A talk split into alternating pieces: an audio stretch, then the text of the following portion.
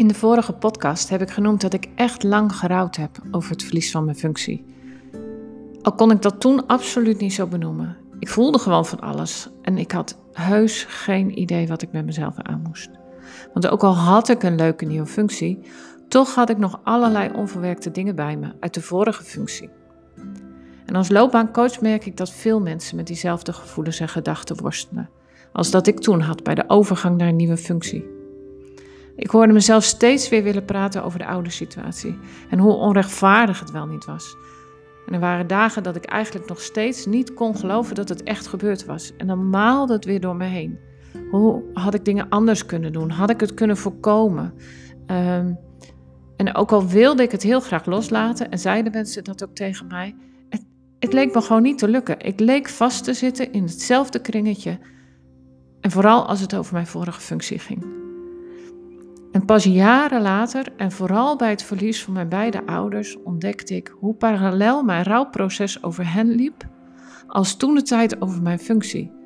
Zo verschillend, en toch waren beide verlies. Verliezen over iets wat me dierbaar was. En ineens voelde ik me niet meer zo raar, en er vielen ook allerlei puzzelstukjes op zijn plek. Ik zag ineens waarom ik vast had gezeten, waar ik vast zat en wat ik eraan kon doen. Wat had ik graag toen de tijd kennis over rouwverwerking gehad?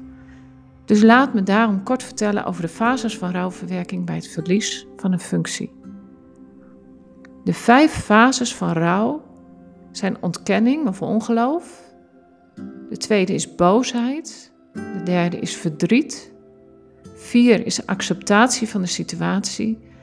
En pas dan kan je in de vijfde fase terechtkomen waarbij je echt open staat voor de nieuwe situatie. Vanuit die acceptatie. En ook al staat het zo leuk op een rijtje en geeft de volgorde houvast, in de praktijk zul je merken je hop van de ene fase naar de andere. En dan denk je al heel ver te zijn en dan schiet je weer terug naar een eerdere fase.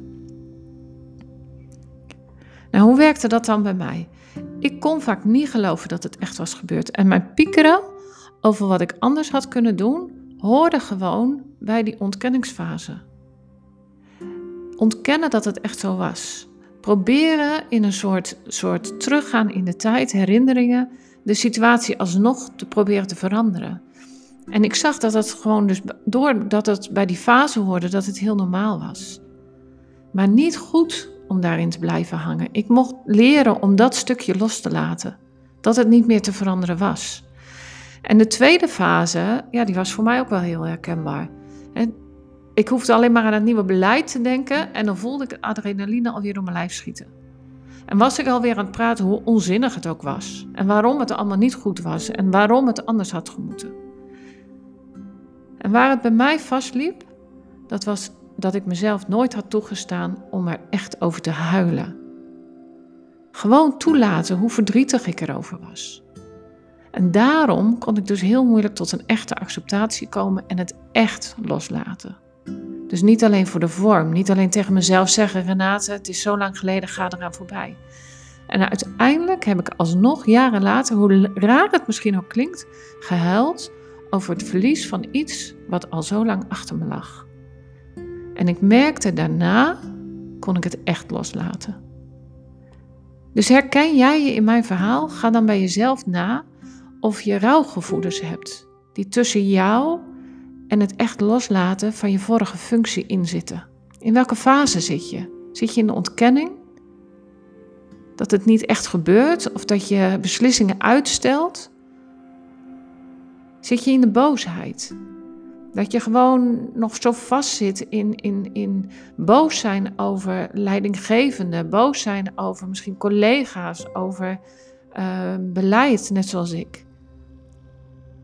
Of zit je vooral in verdriet, maar, maar lukt het je niet om er boos over te worden? Hè? Sla je die fase gewoon over? Vind je dat je het meteen uh, moet vergeven? Zonder de echte gevoelens daarvoor te hebben. En weet dus dat het heel normaal is als je deze gevoelens hebt. En hoe eerder je ze onderkent, hoe eerder je weer volop kunt genieten van een nieuwe functie. En zonder dat je je oude gevoelens meeneemt in je nieuwe functie. Mocht je hulp nodig hebben, neem dan contact met me op. Dan kijken we samen hoe jij de volgende stap kunt nemen.